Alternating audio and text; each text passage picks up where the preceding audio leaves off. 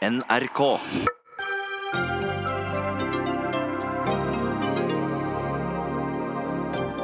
Regjeringa klarer ikke å prioritere, kritiserer kommentator Jan Arild Snoen, og foreslår budsjettkutt på 100 milliarder kroner. Lett for ham å si, han trenger ikke folkets støtte, sukker Høyres Henrik Asheim. Norsk asylpolitikk var preget av panikk etter flyktningkrisen i 2015, sier forsker, som mener politikerne nå har en unik mulighet til å meisle ut en ny. Men skal hensynet til enkeltindivider eller til samfunnet veie tyngst? Det kommer stadig nye livreddende medisiner, men er det riktig å bruke enorme summer på dyre piller og sprøyter hvis det går på bekostning av andre pasienter? Og kapitalismen har brakt oss inn i klima- og miljøkrisen og kan ikke få oss ut av den, advarer Thomas Hylland Eriksen, som ber politikerne tenke nytt. Umulig å løse problemene og innføre ny verdensorden samtidig, svarer næringsminister Torbjørn Røe Isaksen.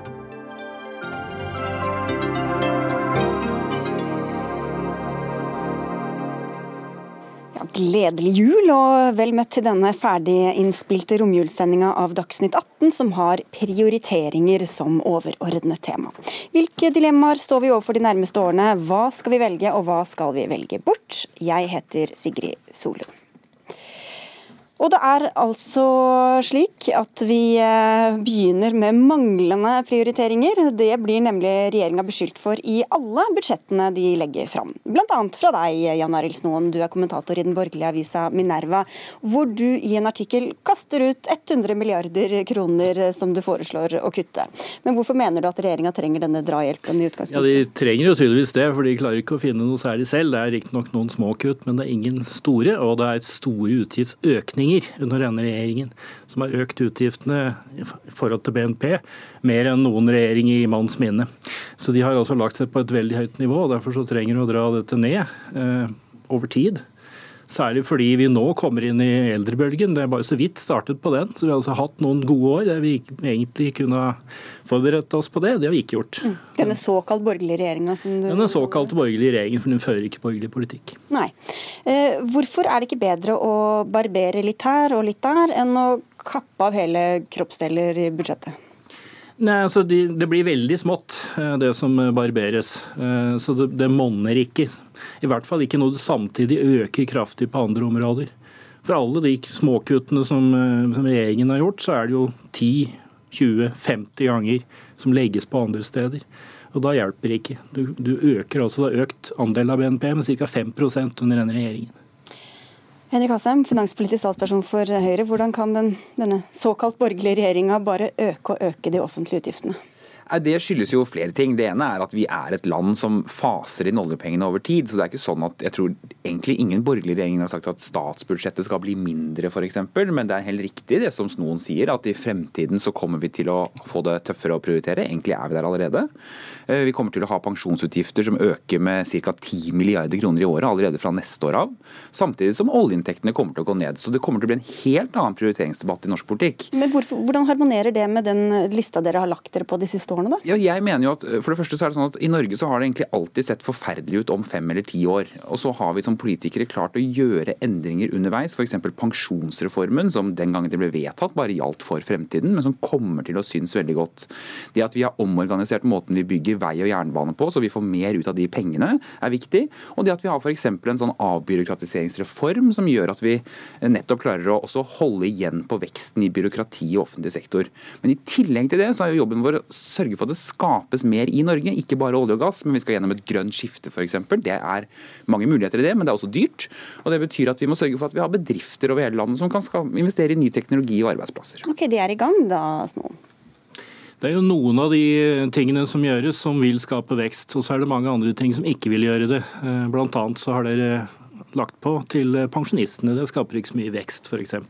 Mange av de tingene som, som, regjeringen har gjort, er jo imot uh, Høyres politikk. Men de har vært med på det fordi den eneste måten å skape flertall i denne regjeringen på, er å uh, bli enige om å øke utgiftene. Det er ikke mulig å bli enig om å øke og kutte noen ting, det er bare bli, bli, mulig å bli enig om å øke.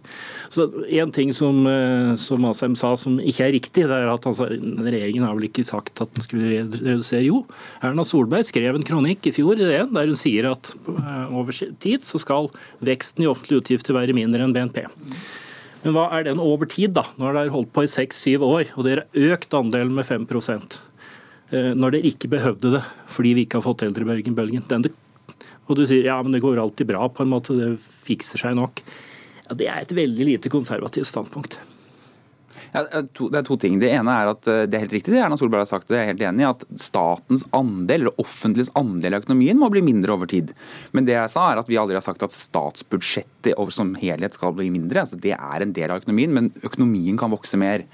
Men det andre er nettopp det at, sant, eh, som Snow sier, at det f.eks. å gi, eh, øke minstepensjonen eller å fjerne avkortningen for gifte og samboende pensjonister, det skaper ikke vekst. Det er helt enig. Politikk handler ikke bare om å skape vekst, det handler også om å fordele de verdiene vi har, på en sånn måte at, som vi politisk mener er riktig. Vi kan jo se litt på den kuttlista di, eh, Snoen. Det er færre lærere, dyrere utdanningsløp, altså det skal koste med høyere utdanning, mindre penger til syke, til pensjonister, til vei, til bane, til kirke, kultur og bistand. Hva slags oppslutning tror du du hadde fått hvis du hadde starta et politisk parti og gått til valg på altså, dette? dette er, hvis vi går tilbake til da denne såkalte borgerlige regjeringen tok over, så hadde de jo de 100 milliardene jeg kuttet, altså de har lagt på mye mer enn de 100 milliardene i mellomtiden. Og Mye av dette er bare å, komme tilbake til der vi var for noen få år siden, eller å, nærme oss det som er vanlig i utlandet. F.eks. så bruker vi dobbelt så mye på høyere utdanning enn, enn i utlandet, i gjennomsnitt i EU.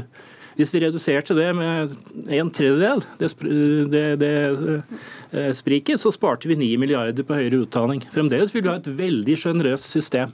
Du sier du ville ikke frykta konkurransen fra et sånt parti, altså, men du ville kanskje stemt på det? nei, jeg ville ikke det heller.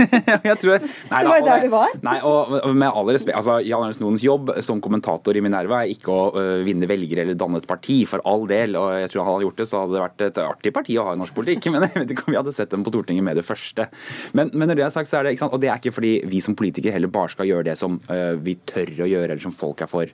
Vi skal også lede. Men det er jo noe med å være i et demokrati som betyr at vi kan ikke bare se på liksom Excel-ark og båndlinja. Vi må også gjennomføre politikk eh, langsiktig, nettopp, som, og det mener jeg er dypt konservativt, som har bærekraft i befolkningen også, og som folk kan være med på underveis. Kari Elisabeth Kaski, finanspolitisk talsperson for eh, SV. Disse kuttene fra Snoen, eh, det er kanskje ikke der du ville tatt det heller, hvis dere skulle kutte 100 milliarder? Nei, og ehm, jeg vil jo eh, kanskje gå litt i rette på hele premisset om at vi trenger å kutte 100 milliarder også, fordi det perspektivmeldinga viser, og som eh, er tydelig selv om vi står overfor en eldrebølge, er jo at vi som samfunn og som enkeltpersoner kommer til å bli veldig mye rikere i årene som kommer, de neste tiårene. Og spørsmålet da er jo eh, om vi skal velge å betale for velferden vår sjøl i framtida, som er en konsekvens av de kuttene som Snoen foreslår foreslår, eller om vi skal fortsette å betale for det i fellesskap. Jeg tror folk kommer til å forvente mer av velferden i årene som kommer, også når man blir, når man blir rikere sjøl. Eh, men da mener jeg at den, den, modellen som vi har valgt fram til nå, da, eh, der det, vi gjør det i fellesskap, vi har en velferdsstat som vi styrker, eh, både den modellen som er mest lønnsom og den som gir best resultater. Men det er også avhengig av masse oljeinntekter, som både markedsmessig og politisk jo er usikkert om vi, om vi vil komme til å få i årene som kommer. Så dere vil jo også være nødt til å prioritere. Ja, og dette er ikke et argument for å ikke prioritere. Alle politikere må prioritere. og um, Det vil jo jeg si at denne regjeringa tidvis har vært også ganske dårlig på. Men vi prioriterer velferden, da. Uh, og det, det, Du kan jo også stille et spørsmål når denne regjeringa har, har, valgt å, å, bruke så mye oljepenger gjennom de siste seks årene. En, en, oljepengebruk som SV har vært sterkt kritisk til, fordi at det er nettopp framtidas penger ikke sant, som vi skal bruke til de kommende generasjonene. Hva er det vi sitter igjen igjen med? Sitter vi igjen med noen nye store velferdsreformer som gjør velferden vår bedre? Sitter vi igjen med en, en ny grønn deal som kutter utslipp og omstiller Norge? Nei, vi gjør i grunnen ikke det, men vi sitter igjen med store skattekutt. Ja, Når selv SV sier dere bruker for mye oljepenger og ikke evner å prioritere, altså, hva sier det deg? Nei, Det betyr at SV bruker mer penger enn oss, men de bruker skattepenger. sånn at Det er ikke sånn at budsjettet er mindre med SV, det er større med SV. De prioriterer dårligere enn regjeringen. Hvis, han, hvis hun etterlyser, altså hvis Kaski etterlyser mer prioritering, så gjør hun det mindre enn oss. Men, men det andre andre er nettopp, og det tror jeg er riktig, ikke sant? vi har vært vant til i Norge helt siden egentlig 2000-2001 at også i valgkamper så kan politikere si jeg lover 10 milliarder mer til dette, 5 milliarder mer på dette, og så er det ingen som spør, verken andre partier eller journalister eller velgere, hvor tar du de pengene fra? For vi har faset de pengene, oljepenger inn. Den tiden er forbi, og det skriver også regjeringen helt tydelig i nasjonalbudsjettet, at det kommer ikke til å være sånn at vi slenger på 15-20-25 milliarder oppå budsjettene hvert eneste år. Og Det betyr at når vi skal ha debatter i fremtiden, Kaski og jeg, eh, og gjerne Snoen også, så kommer vi jo til å diskutere at hvis man skal bruke en milliard på noe, så må du si hvor du skal ta den fra. Er det skatteøkninger, eller er det omprioriteringer innenfor de offentlige budsjettene? Ja, og Skatteøkninger er jo ikke en, en, måte bare å få eh, økte inntekter til staten på. Det er en måte å både omfordele på og å kunne finansiere velferden i fellesskap. Fordi med Snoen og for så vidt Høyre sin primærpolitikk også, så kjører vi et privatiseringsspor da, der du sier at folk skal få skattekutt og eh, større privat økonomi, og sjøl kunne kjøpe seg til de velferdstjenestene. Enten det er økt egenandel i barnehagene eller, eh, eller eh, private eldreomsorgstjenester. Jeg argumenterer for at nei, vi henter det inn gjennom skatteøkning, fordi folk flest kommer til å få mer penger, og så bruker vi de pengene gjennom fellesskapet. Det er både billigere for samfunnet samfunnet og gi bedre tjenester.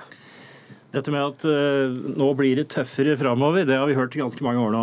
Og at vi kan ikke forvente at dette fortsetter. Det har dere sagt i mange år, og så har dere fortsatt. Hvert eneste år. Og det kommer dere til å gjøre neste år også, som blir det siste budsjettet dere kommer til å få, få vedtatt. Ja, Det er ikke året før et valg man kniper inn på Nei, det er ikke sannsynlig at det er det. Og så er det da så er det jo ikke sånn at eh, det er gitt noen skattelettelser de siste tre budsjettene, så er det nesten ikke gitt noen skatteleser. Nesten ingenting. Så prioriteringen for denne regjeringen har vært å øke utgiftene og øke utgiftenes andel av BNP.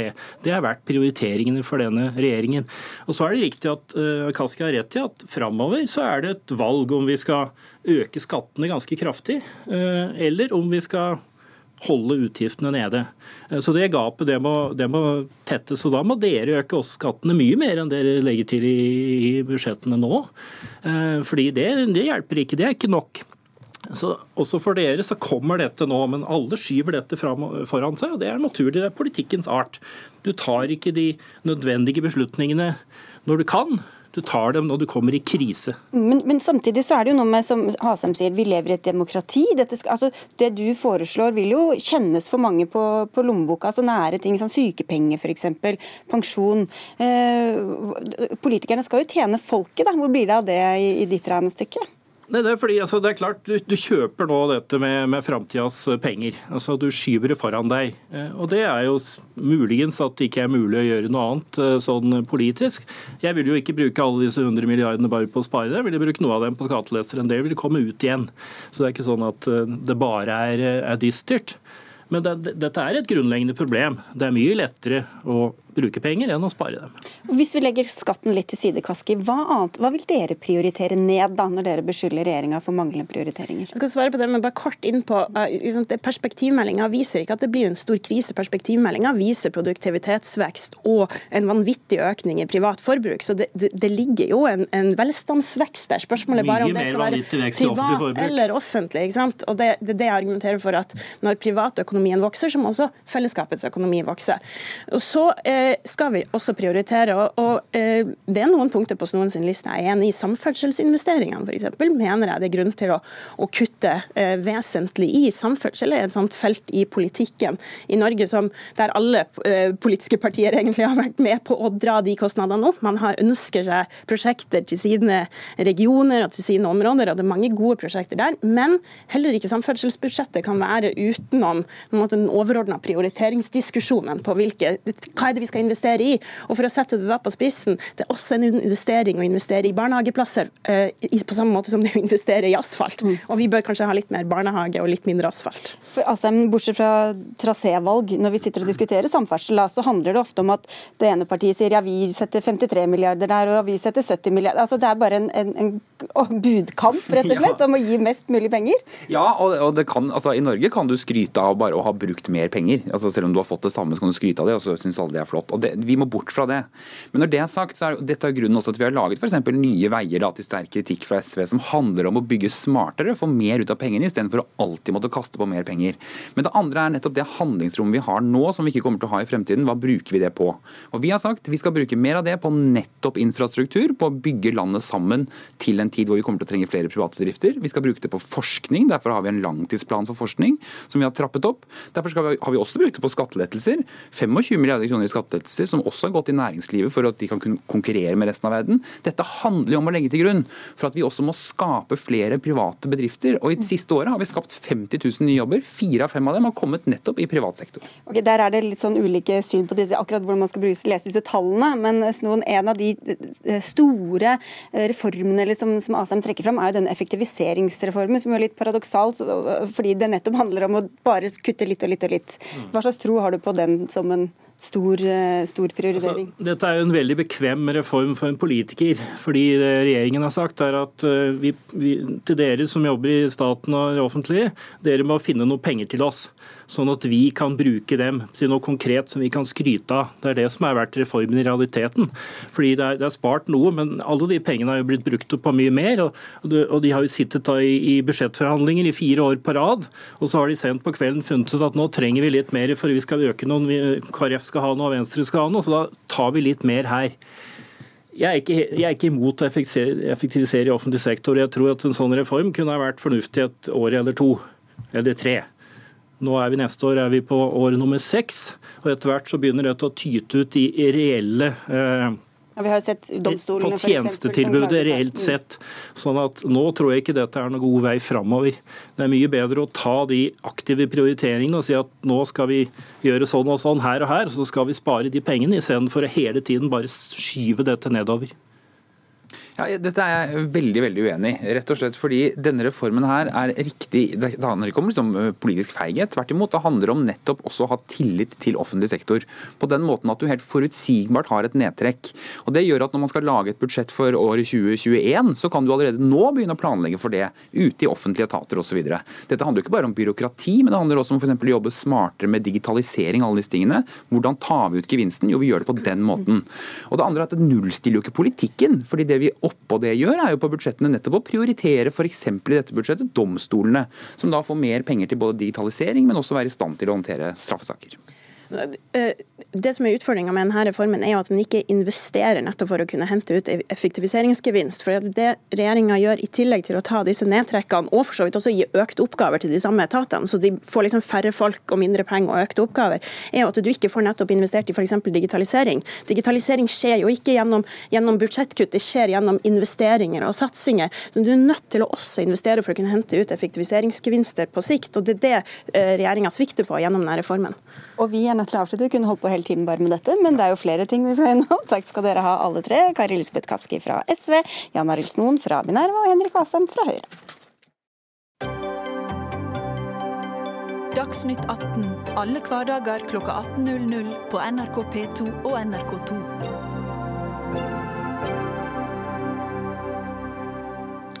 2019 var året da norsk rett dømte folk for å ha ansatt asylsøkere uten lovlig opphold. Og Aftenposten fortalte om spedbarnsmødre som ble sendt ut av landet mens ungen ble igjen hos far.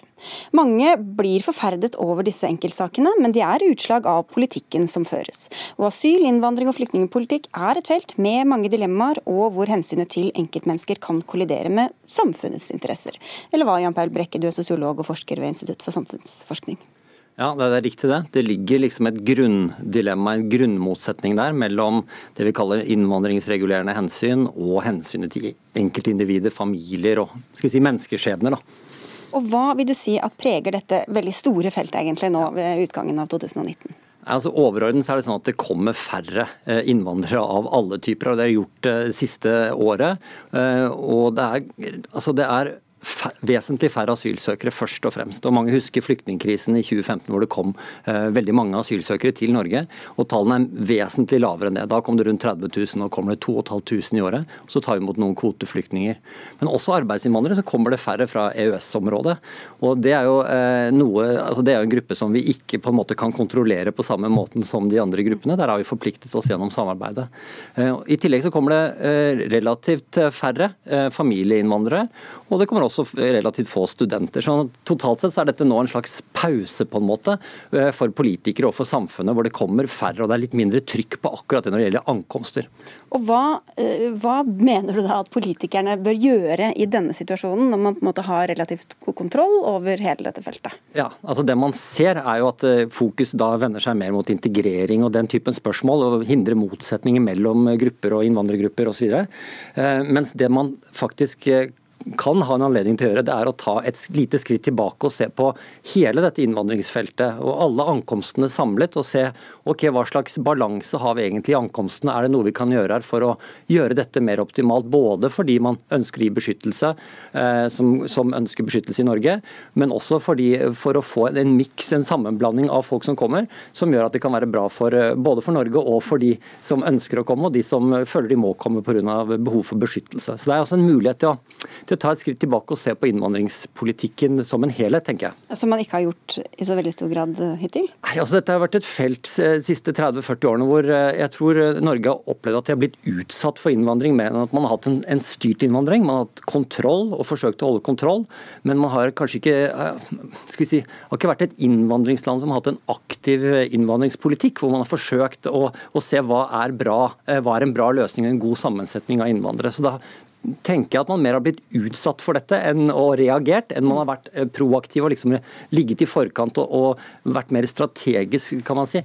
Så det at vi er da i denne situasjonen nå, skyldes det politikken vi har ført, eller andre utenforliggende årsaker at, at disse flyktningene, eller asylsøkerne blir stansa ved, ved ytre grenser? Ja, altså på, akkurat på asylfeltet så jo, har den nedgangen siden 2015 den har kommet mye pga. tiltak som ligger utenfor Norge. Vi har også strammet inn eh, regelverket eh, så mye som man følte man kunne etter da det sto på som verst, og det har nabolandene gjort også. Men først og fremst har det blitt eh, grensesperringer nedover Europa langs de rutene hvor folk pleide å bevege seg mot Norge. Og så har vi samarbeidet med land utenfor Europa. og Det er det som er hovedgrunnen nå. At man har dyttet grensekontrollen ut og overlatt den, eller gitt den til transittland i Nord-Afrika og Tyrkia spesielt, altså mange kjenner til denne Tyrkia-avtalen.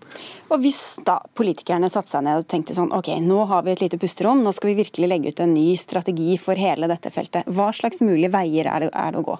Altså, da kan man tenke seg at man eh, ville ha, man kunne se ok, hvem er det vi ønsker å gi beskyttelse til, og hvor mange skal det være? Hva slags bakgrunn skal de folkene ha? Hvordan skal man prioritere der ute? Dette, eh, dette gjøres ofte litt sånn uh, i rykk og napp, men det kunne man se helhetlig på. Og I tillegg så kunne man da se hva slags familieinnvandringspolitikk man egentlig har, hva, hvilke konsekvenser det har for hvem som kommer og hvordan de klarer seg. Og I tillegg så kunne man da se på f.eks. studentinnvandringen, som ikke har fått så mye oppmerksomhet i Norge. det vil si at folk har kommet, og så har det blitt forventet å dra hjem igjen eh, etter endte studier. Der har man begynt å løsne opp litt, men dette er jo ofte i andre land så satser man på f.eks. den gruppen og tenker at ja, det er folk vi vil ha hit til landet. Så da kan vi lage en strategi for det, sånn at det blir mer attraktivt å komme til Norge, eller man kan få en annen type sammensetning der. Så Det er et eksempel som andre land har gjort, som forsøker å få en eller jobber mer aktivt med å se hele gruppen eh, innvandring totalt sett. Og disse prioriteringene som man da må velge, skal man ta de som trenger det mest, eller de som er mest tjenlige for Norge å ha her? Hvordan, eh, hvordan kan de ulike prioriteringene tas da fra politisk hold også? Ja, altså man kan, eh, man kan, jo ha eh, initiativ overfor enkeltgrupper, eh, men man kan også, det du snakker om nå, kommer veldig sånn til uttrykk når det gjelder å ta ut kvoteflyktninger, som nå er ved å erstatte asylankomstene. Så vil man da ha en aktiv sånn kvotearbeid og hente inn kvoter fra, gjennom FN-systemet. Og Da kommer akkurat de hensynene inn. Skal vi ta imot de som trenger det kanskje aller mest, har det aller verst i leirene, men som kanskje ikke kommer til å klare seg så bra i Norge og kommer til å være en belastning for norske norske samfunnet? Eller skal vi ta imot folk, prøve å få de aller best kvalifiserte, de med høyest kompetanse, som vil klare seg bra i Norge og bidra til det norske samfunnet? Og Der er Norge, der, der ser man på begge hensynene og forsøker å få til en miks, sånn at man både skal vi si, hjelper FN-systemet og hjelper de som trenger det aller mest, samtidig som man har et lite blikk på hvordan kommer det egentlig til å gå med disse menneskene i Norge.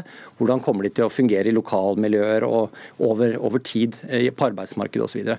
så Norge er, er strategisk der og har et hensyn til, til integreringen. Det har de.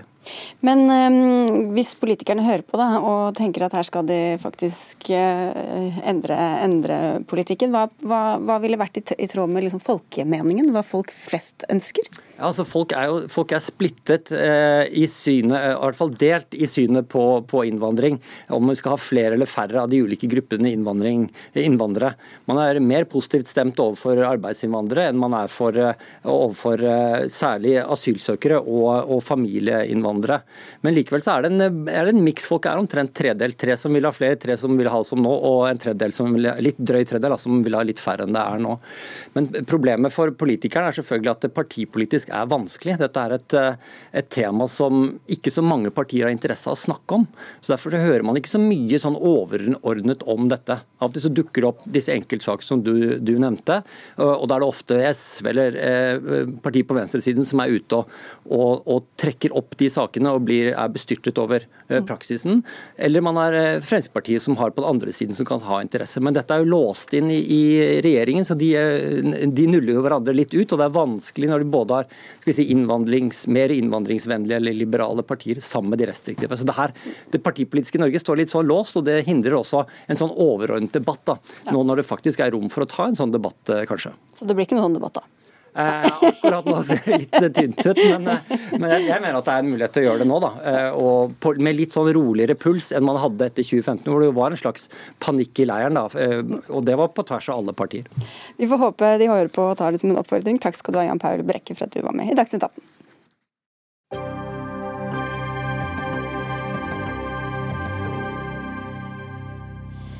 Du hører eller ser på en eh, allerede innspilt Dagsnytt 18-sending hvor prioriteringer er et gjennomgående tema. Snart kommer Thomas Hylland Eriksen og Torbjørn Røe Isaksen, som skal diskutere om vi kan få både økonomisk vekst og et bærekraftig samfunn, eller om vi må velge mellom det ene eller det andre. Men nå til et område der prioriteringer skaper både fakkeltog og underskriftskampanjer, nemlig helsevesenet. I høst ble migrenepasienter satt opp mot homofile menn når den ene gruppa fikk sponset dyre medisiner, mens den andre ikke fikk. Samtidig hører vi om desperate kreftpasienter som ikke får betalt kreftmedisinen de håper på, mens andre nærmest får liv i gave fordi de får akkurat det de trenger. Så hvem skal prioriteres framover, og ut fra hvilke kriterier?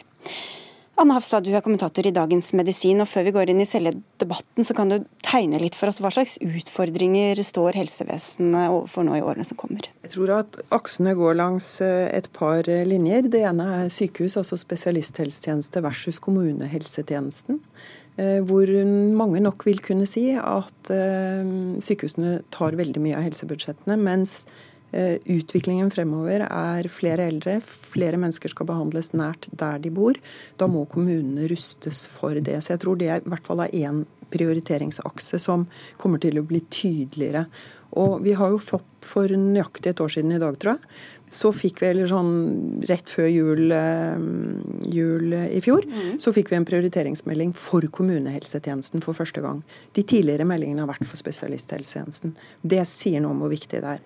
Så tror jeg det er viktig å si at det har vært en ønsket politikk over tid. At prioritering skal handle om nytte, ressurs og, eh, og alvorlighet. At det er det som skal ligge til grunn, enten det er i primær eller spesialist.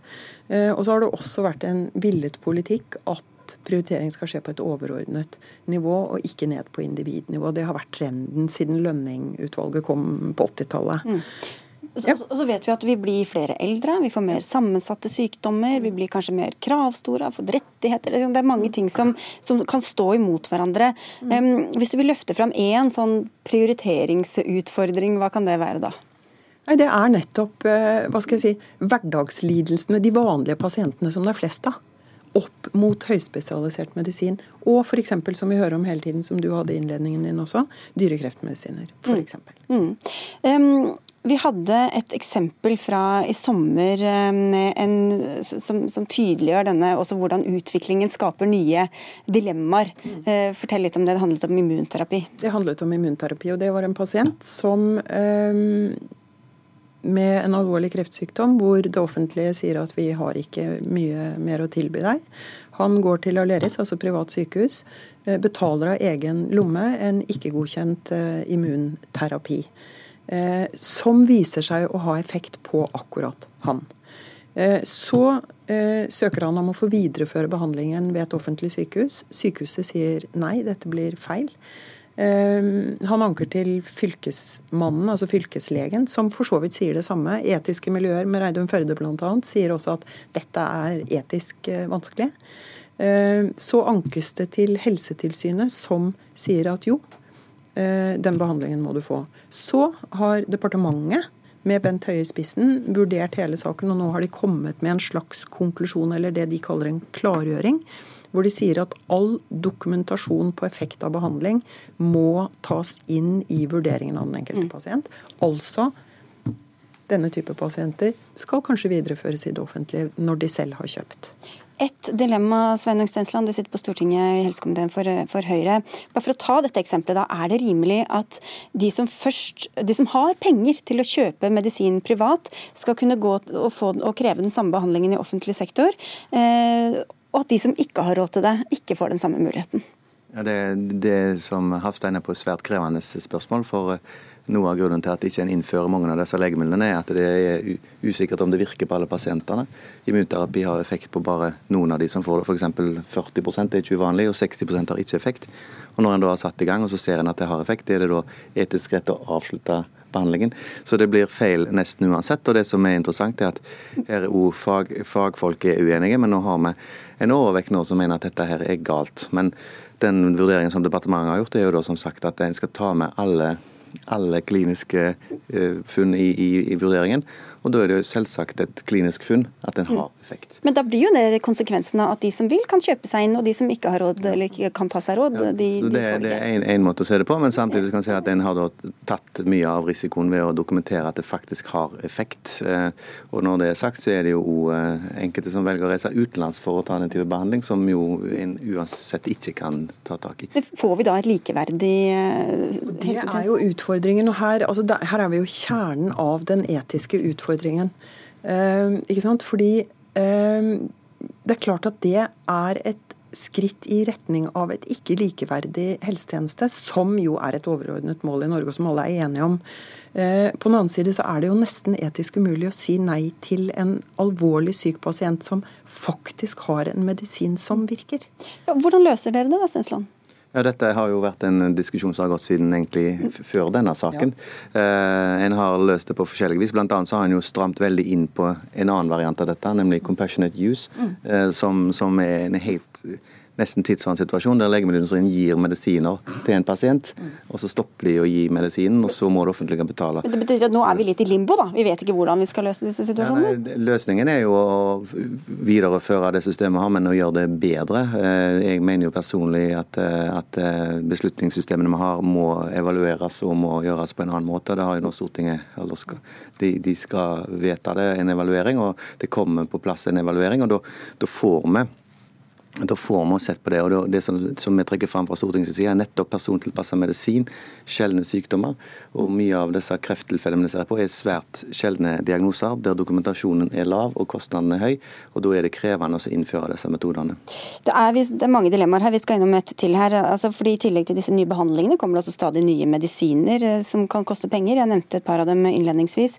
Liv Ariane Augestad, du er førsteamanuensis ved Avdeling for helseledelse og helseøkonomi ved Universitetet i Oslo. og jobber jobber også på legevakten eh, i Oslo eh, kommune.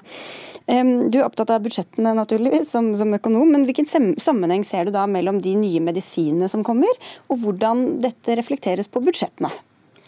Ja, altså Det som har blitt eh, aktualisert nå i høst, det er en spesiell situasjon der man for så vidt er det jo heldig da at eh, man har et nytt legemiddel som viser seg å ha veldig god effekt for pasienter. Det er jo noe som i utgangspunktet er ønskelig. Men et nytt legemiddel kan også komme med en, en pris. Og så gjør man en vurdering der man følger prioriteringsprinsippene, der eh, kostnaden står i forhold til eh, helsegevinsten av, av denne medisinen.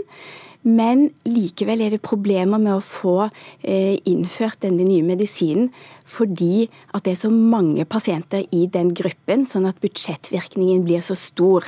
Er det migrenepasientene du snakker om? Det kan være migrenepasienter, men det finnes også veldig kjente eksempler. For en fire-fem år siden så kom det nye medisiner for å behandle hepatitt C, som skapte en krise omtrent i, i hele verden. Her har man en kjempeviktig og nyttig medisin som er veldig dyr, men, og som kan komme veldig mange pasienter til, til, til gode.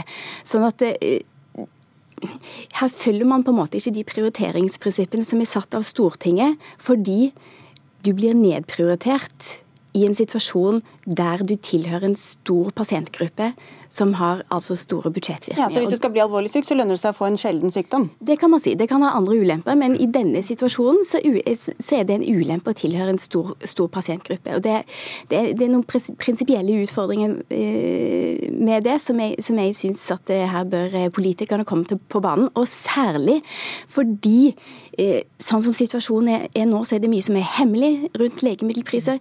og Det er lite åpenhet rundt budsjettvirkninger og hvordan det påvirker beslutningen. Ja, det som programlederen er inne på, det kan lønne seg å få en ikke så vanlig sykdom. En av, en av hovedutfordringene er jo at de sjeldne sykdommene blir ro kommer litt dårlig ut her, fordi det er så lite dokumentasjon og kostnadene er høye. Men i migrenesaken så er det helt klart, nå, nå pågår det en faglig diskusjon hvor mange pasienter er det egentlig det gjelder, og har en lagt for mange pasienter? Ja, fordi de, Pasientgruppa mener at det tallet er blåst opp, og at det er ikke så mange Nettopp, som egentlig ja, behøver det. Så, så, så det men, er det noe logikk i dette? Altså, at, for, hvis du har færre pasienter, så skal man få medisinen, men hvis det er mange, så skal man ikke få det. Hvor i all verden er liksom logikken der? Logikken i det er jo at en skal jo ta hensyn til et budsjett eh, oppi dette, for det er ikke ubegrensa med helsekroner. Vi har en, et viss sum til helse som vi bruker hvert år, og det må prioriteres mellom andre. Det er jo Den virkelig store debatten er jo hvor mye av samfunnsressurser skal gå til helse. Og Den største feilen en kan gjøre, er jo å bruke de pengene feil, for da blir det mindre til andre gode helseformål. Men jeg, jeg mener personlig at kriteriene er svake på de minste gruppene og på de største gruppene. Og, det, og jeg mener personlig at eh, hvis det viser god nytte en medisin, så bør han innføres. fordi da viser han jo òg at han vil spare både sykdomsbyrde og samfunnet for, for, kostnader. Og så er det da sånn at Noen får ikke, mens andre får kanskje for mye. Reidun Førde, du er professor ved Senter for medisinsk etikk ved Universitetet i Oslo. og Du peker da på overbehandling i norsk helsevesen. Vi kan ta ett eksempel. Det er tall fra Helseatlaset som viser store variasjoner i mange forskjellige behandlinger. Bl.a. på forstoppelse hos barn på Sørlandet behandles fire ganger så ofte som barn som bor i Tromsø-området. Hva sier det som eksempel om, om disse, hvordan disse prioriteringene foretas rundt omkring? Nei, Det er jo et av eh, problemene med prioriteringsarbeidet i Norge. Som jo har, vi har jo verdensmestere i å, å innføre gode kriterier. Men de må ut. Ut der pasientene er. Og, og eh, så langt så har eh, ikke det vært så veldig vektlagt. Sånn at når det i dag forekommer den type behandling som det du nevner her, så, så er jo ikke prioriteringskriteriene fulgt på det der. Så politikerne har satt, eller Myndighetene har satt visse kriterier, men så følges de helt ulikt rundt omkring på ja, sykehusene? Ja, det, det, det, og det er ofte ikke pasientene sine behov, men det er fagmiljøer og antall tilbudet som finnes f.eks. På, på diagnostikk, som styrer eh, antallet undersøkelser. Ja, hvis noen da har kjøpt en veldig dyr maskin, så skal den brukes enten ja. det er behov for den ja. eller ikke? Og Det er jo det som gjør dette prioriteringsarbeidet så innmari komplisert, for det er så veldig mange drivere som driver utviklinga og driver kostnadene i været. Hvordan tar dere høyde for det da, Stensland, når dere utformer helsepolitikken? Ja, det, En av de tingene som vi har gjort, er jo å videreutvikle arbeidet med det vi kaller for helseatlas, for å finne disse feilene og ta tak i disse feilene. og Ser en på de eh, oppdragene som er gitt ut i helseforetakene, så er dette noe som, som, har fått politisk oppmerksomhet. Men dette er tunge prosesser. og Heldigvis så har norske medisinere eh, både høy integritet og ikke minst autonomi. og Det er nå engang sånn at en del klinikere de gjør det som de mener er best. Eh, og så er det ikke alltid at det de mener er best, er det beste for alle.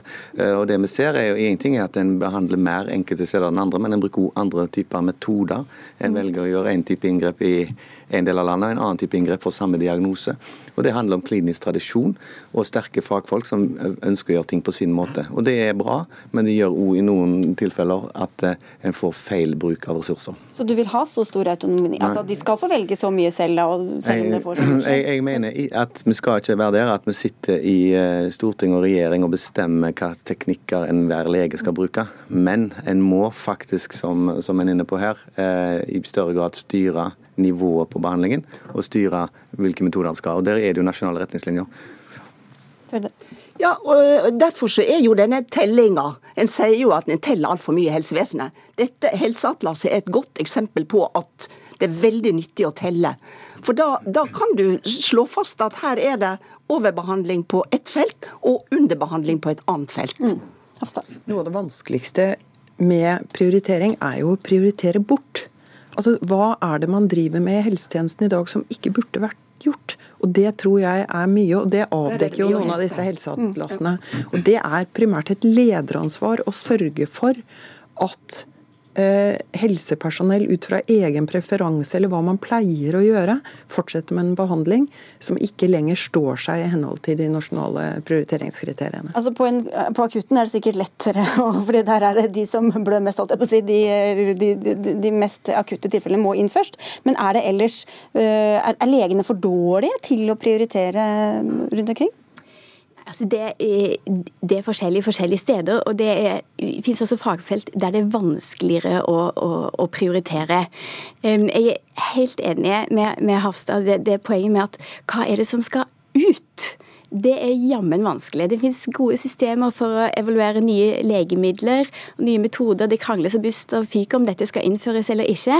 Men eh, det man gjør i helsevesenet består jo stort sett av ting man også gjorde i fjor. Og hvilke av de er det som, som skal ut? Eh, når det gjelder legevaktbransjen, så er jo det en spesiell form for, for prioritering der den viktigste beslutningen, viktigste prioriteringen er hvem er det som skal på sykehus nå natt til søndag, som ikke kan vente til i morgen. Og det er en eh, form for oversiktlig prioritering som, der, der, man virkelig kjenner det på kroppen. Så der, der, tror jeg legene er ganske gode. Og jeg kan tenke meg at de, de legene som sitter oppe i Finnmark og venter på et ambulansefly, de har veldig god oversikt over de ressursene de har, og prioriterer ut ifra det. Mm. Nei, uh, I stad når, vi diskuterte nye legemiddel, migrenemiddel til mange pasienter, store pasientgrupper, så er dette eh, begrepet alternativkostnader eh, et veldig sentralt begrep i, i prioriteringa. For når helsebudsjettene er stramme og begrensa, så må du alltid tenke hva er det som skal ut hvis vi tar inn dette. Det må politikerne tenke på. Og veldig ofte så blir ikke det satt ord på engang.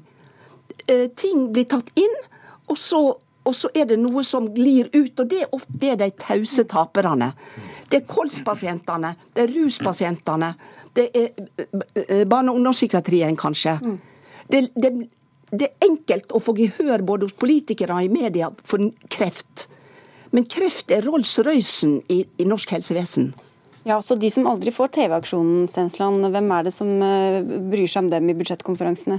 Ja, det, det, det som tas opp her er essensen i hele prioriteringsdiskusjonen. Det er Grunnen til at eh, jeg er glad i den prioriteringsmeldingen som vi vedtok, er nettopp for vi forsøker å ivareta alle gruppene. fordi hvis det blir hvis vi ikke har eh, gode prioriteringskriterier, så blir det de sterkestes rett. Da blir det forsiden i VG, Dagsrevyen, som avgjør hvem som skal få. Og Det ser vi i sak etter sak etter sak. Sterke og mindre sterke pasientgrupper presser på. Og det å stå som politiker oppi dette, det, det er mer enn én en helseminister som har fått uh, Fordi at en skal stå imot et krav om et nytt legemiddel, som kanskje ikke har den effekten vi ønsker, til en veldig høy pris. Men hva er, du, hva er det du mener skal prioriteres bort, da? Jeg mener de tingene som ikke har god nok eh, effekt i forhold til kostnadene, skal bort. Jeg mener vi gjør mye rart både forbi ortopedi og andre inngrep. Det er en del medisinsk behandling som vi gjør. Og det som aldri er en diskusjon, er jo ting som er på blå resept, som kanskje ikke skulle vært på blå resept. En del eh, forebyggende medisin som kanskje ikke er så nyttig som vi tror. Men Har du foreslått å ta det vekk, da? Jeg har jo f.eks. For foreslått i Dagens Medisin å slutte med et kolesterolmiddel på blå resept. og Jeg ble jo nedrent etterpå, så jeg med en gang du tar den diskusjonen. Det gjør du aldri mer? Jo, det kan jeg godt si, det kan jeg godt si igjen. at eh, De mest eh, rimelige, de rimeligste kolesterolsenkende midlene det kan kanskje folk betale for sjøl. Så kan vi heller bruke pengene på annen type medisin, for det er mer, det er mer avanserte. Så De diskusjonene der er krevende, så jeg har faktisk satt i gang et lite arbeid for egen del med metoder som jeg vil ta vekk. Men det er et veldig tungt lass å dra når du samtidig skal slåss for å få på plass ny migrenemedisin. Stensland kan jo f.eks. begynne med å stoppe prosessen med å bygge to protonsentre i Norge til tre milliarder kroner, som all dokumentasjon, all dokumentasjon, viser at det trenger vi ikke. Svenskene har et, og de klarer ikke å fylle det, selv ikke med pasienter. Hva er det, Nei, det er en spesiell form for uh, kreftbehandling som, som, er veldig veldig bra. For, foreløpig godt dokumentert for bl.a. på noen barn med en spesiell kreftsykdom. Vil nok komme mer, men med dokumentasjonen i dag så finnes det ikke holdepunkt for at vi skal ha ett i Bergen og ett i Oslo. Den den byggingen er i gang. Og Der vet han Hafstad at jeg har sagt før at jeg er uenig i den beslutningen, men nå har det kommet såpass langt at det der tror jeg slaget er tapt. Okay. Eh, eh, av og til når det kommer til prioritering og helse, så, så kan, kan, man bli litt eh, blendet av fenomenet innovasjon, mm. teknologioptimisme. Sånn at det, det hender i ny og ne at det, det kommer, kommer, saker og ting som prioriteringsmiljøer generelt er, tenker at dette har ikke effekt, eller for lite effekt, eller for dårlig dokumentert effekt. Men der, der det finnes optimister som tenker på helsenæringa og, og ha andre hensyn som gjør at eh, det likevel tas av helsebudsjettet. Da er, dere er helt enige selvfølgelig om at det, ha, det er et kost-nytte-perspektiv som ligger til grunn her. Men Rønde, jeg føler det helt sånn he, etisk, da. Hvis man skal tenke seg framover at man må velge mellom pasienter. Skal man ta stilling til hvem som har familie, hvor gamle de er, hvor lykkelige de er, hvem som er selvpåført skade? Altså, det er jo store diskusjoner den type, den type kriterier er nok ikke noe en skal legge vekt på, men en må, en må bruke Eh, de samme kriteriene, sånn at, at en får et rettferdig, solidarisk helsevesen. Men jeg ønsker meg at et forum i, som det gamle prioriteringsrådet var. Det var mye vondt å si om det. Men i dag er Beslutningsforum det er de som jobber med prioritering. Eh, og ofte legemidler. Altfor alt for lite vekt på alt det andre. Og så ser en ikke Etikkarbeidet viser at det er så utrolig komplisert eh, og stort, dette feltet. Så noen som satt der og så hele helsetjenesten under ett, det ønsker jeg meg. Eh, det er et kjempeviktig poeng dette med fordeling. Kost-nytte det tar ikke hensyn til hvilke pasientgrupper og individer som får, som får, helseforbedringen. Ofte så koster det mer å heve helsen til marginaliserte grupper i samfunnet. I prioriteringsprinsippene så er det alvorlighetskriterier som skal ta seg av det. Sånn at de personene eller pasientgruppene som har mest framtidig helsetap i form av leveår og helserelatert livskvalitet, de skal bli prioritert opp. Mm. Men det finnes mange debatter som bør tas om alvorlighetsbegrepet, og vi skal gjøre en liten studie til neste år. Høres ut som du må kalle inn til seminar, Stensland. ja, eh, og det er en annen ting, men Prioritering handler mye om penger, men det vi ser på som den eh, mest knappe ressursen vi har framover, er helsepersonell. Så det må bli en større del av diskusjonen. Hvis vi kan innføre nye metoder, nye legemidler, som gjør at vi kan jobbe lettere og folk kan få bedre liv med mindre pleie, da er det lurt å satse på det. Det er nok å snakke om. Vi tok et lite vorspiel her. Tusen takk skal dere ha, alle fire. Sveinung Stensland fra Høyre, til Anne Hafstad fra Dagens Medisin, Liv Ariane Augestad, som er ved Avdeling for helseledelse og helseøkonomi ved Universitetet i Oslo, og samme universitet til deg, Reidun Førde, som altså er professor ved Senter for medisinsk etikk.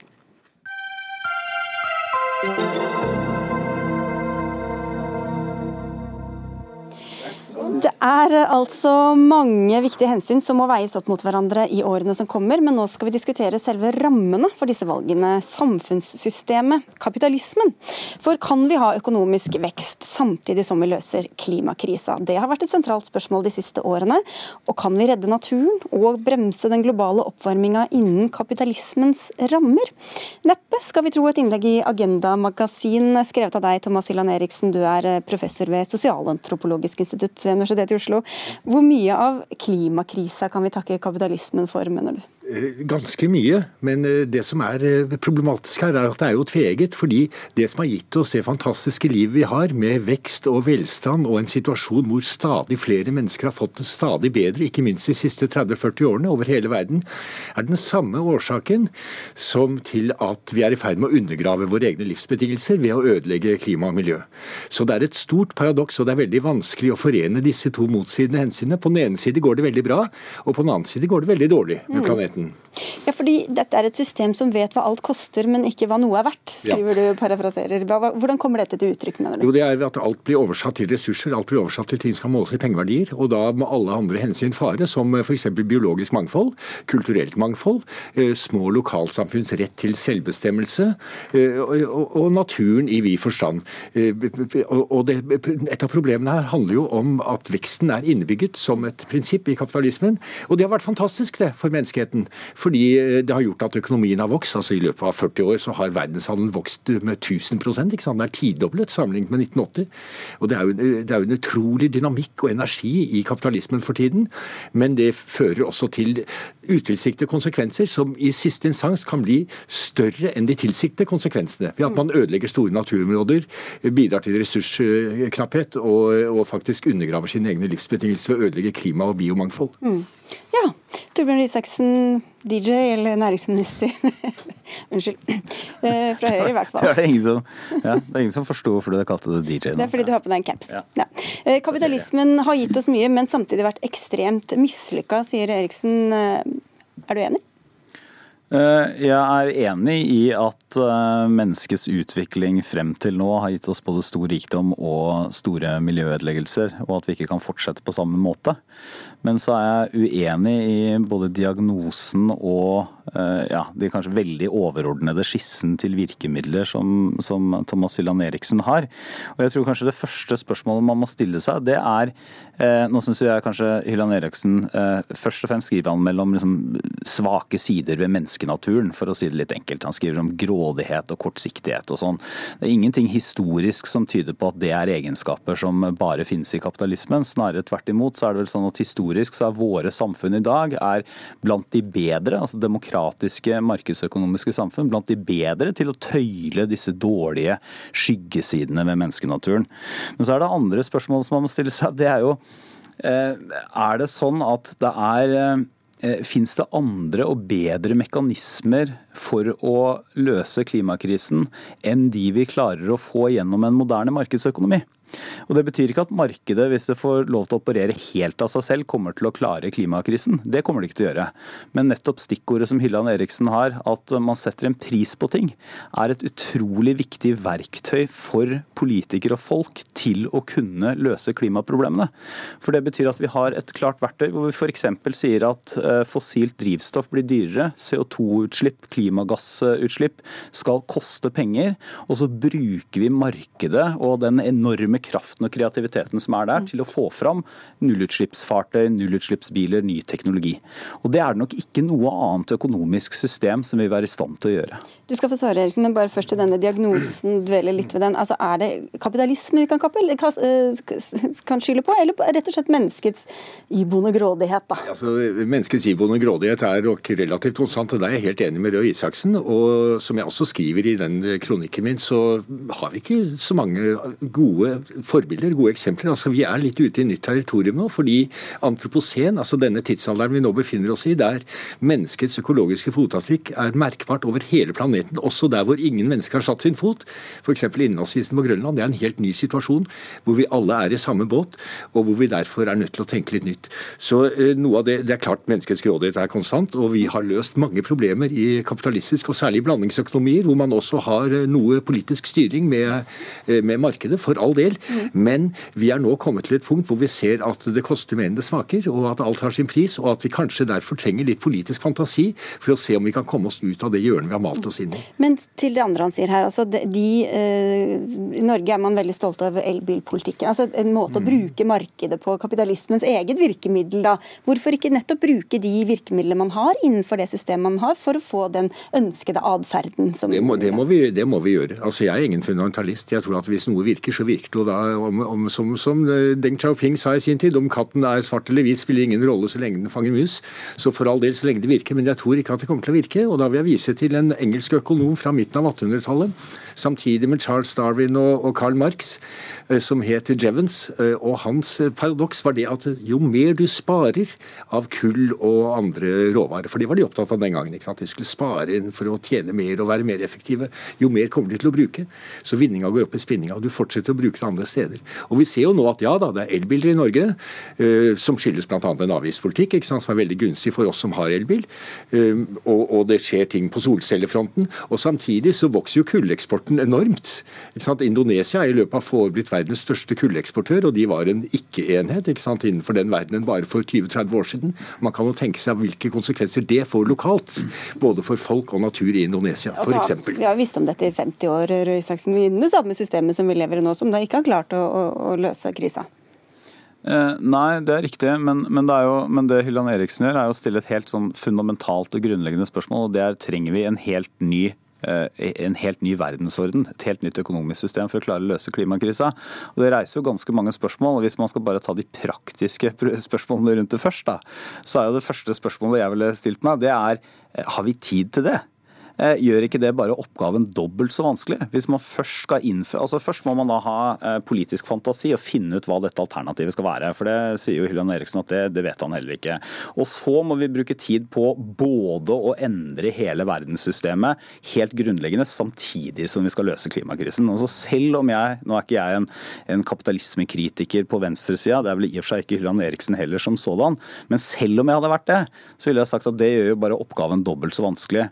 Men så så kommer det neste spørsmål, og det er er det slik at, altså, Hvis du da skal forestille deg hva, hva, slags system er det vi skulle hatt som opphevet kapitalismen, eller markedsøkonomien er bedre, for dette jo, inkluderer jo en blandingsøkonomi som Norge f.eks., så måtte jo det vært et system som punkt én eh, brukte eh, rå og brutale virkemidler for å hindre økonomisk vekst. Eh, punkt to, som ikke hadde noen prismekanismer, eh, som ikke hadde noen form for konkurranse det er uavklart hva slags, hva slags, eierskap man skal ha til de forskjellige eh, liksom økonomiske produksjonsmidlene, eller hva man skal kalle det for noe. Eh, og det er veldig vanskelig å se hvordan det alternativet til en markedsøkonomi, som trenger streng politisk styring for å klare å løse klimakrisen, bare så det er sagt, men skal være bedre i stand enn det systemet vi har i dag, til å kunne adressere de store problemene. Kunne, ja, tusen takk. Altså, jeg syns dette er fornuftige innvendinger, eh, og det er verdt å diskutere. Eh, og jeg tror ikke på før og etter revolusjonen. Altså, jeg tror ikke at eh, liksom, Til neste år så skal vi ha en helt annen verden. Så ting vil skje gradvis, ting vil skje langsomt og på mange forskjellige måter. Jeg tror ikke det er én løsning. altså Det må tilpasses lokalt. Innenfor ett og samme samfunn kan du ha litt forskjellige typer modeller. Men jeg tror at eh, det vi skal gjøre, for å snakke litt slagordpreget, vi skal skalere ned og kjøle ned og slow down. altså gjøre ting langsommere. Et nytt tankesett snakker du om da? En, en måte å se på livet på? Det er en måte å se livet på. Vi skal begynne å tenke litt mer fundamentalt om hva menneskelig behov er, og hvordan vi kan bruke økonomien til å tilfredsstille menneskelige behov, i stedet for, som i veldig mange land, at økonomien er et middel til å gjøre allerede meningsløst rike mennesker enda rikere. Norge er et men, unntak på dette punktet. Ja, men, men, eh, for det første så er jo ikke økonomien det. altså Selv i et rikt land som Norge så er det jo mer enn nok eh, problemstillinger som må løses gjennom, eh, gjennom at også Norge vokser. Og så må den veksten være bærekraftig og den må være kompatibel med det vi må gjøre for å få klimagassutslippene ned. Men, men, men det er ikke helt altså, Jeg, jeg forstår, liksom, forstår resonnementet at vi skal, vi skal Eh, alle tar det mer rolig, og vi skal forbruke mindre, vi skal etterspørre mindre. Men jeg klarer ikke helt å si at veien ut av klimakrisen er et slags sånn kollektiv, eh, nesten puritansk nytt ideal for forbruk. fordi at veien ut av klimakrisen, og her er vi nok grunnleggende uenige, ligger i teknologiskift. Vi kan ha en markedsøkonomi. Vi kan også til en viss grad ha eller ikke bare til en viss grad, vi kan ha også et høyt forbruk, vi kan forbruke tjenester, vi kan ha vekst. Men eh, for å si det veldig enkelt, drivstoffet for alt dette må fundamentalt endres. Og, og, og bruken av ressurser må være bærekraftig. Og Det er jo dette vi har diskutert nå. Går det an å ha vekst og, være, og ha bærekraftig, eller må man prioritere? Spørsmålet er et alternativ til markedsøkonomien. Hvis man ikke har prissetting f.eks., og informasjonen som ligger der, hvordan skal man i det hele tatt klare å ha noe kontroll på dette økonomiske systemet som man da ikke helt vet hva er? Nei, altså, du sier at jeg ikke helt vet hva det er. Altså, jeg har, kan ha mange, mange, mange forslag, jeg, også, men jeg tror ikke noen av dem skal være det, den ene løsningen for menneskeheten med stor M. Og jeg tror også at markedsmekanismen er viktig. altså At man er nødt til å ha mekanismen for tilbud og etterspørsel. Men at vi må tenke annerledes om hva markeder er og hva det koster. Og regne inn de økologiske og menneskelige kostnadene når vi lager økonomiske regnestykker. Fordi veldig lenge var jo naturressurser gratis. Det eneste det kostet, det var arbeidskraften og teknologien. Det kostet å hente dem ut. Og nå oppdager vi at det er en del ting vi er i ferd med å slippe opp for. Det er i ferd med å bli store bivirkninger. Det er masse miljøproblemer som ikke har å gjøre med klimagasser, som f.eks. brennende regnskoger og, og plasten i havet og den type ting. Så opplevelsen er trafikkork og, og overoppheting. Men, men, kan jeg spørre deg om noe? Ja. Raskt, for, for det er ikke nettopp det argumentet at man må regne inn altså En økonom, jeg er ikke det, men de vil si at du regner inn eksternaliteter. altså ja. Poenget at Du regner inn prisen av ikke bare å forbruke og kjøre en bil, mm. men hva det faktisk koster for planeten vår. Ja. Det er jo veldig fornuftig innenfor en markedsøkonomi. Okay, og, og, Problemet oppstår da når, du, når svaret på det regnestykket også blir røde tall og ikke svarte tall. Altså, altså når det blir under null. Gevinsten blir under null. Og Det er der jeg håper at vi ikke er på vei, men frykter at vi er. Dette var også seminarmat, kjenner jeg, som i resten av sendinga. Men det var jo eh, interessant så langt vi kom.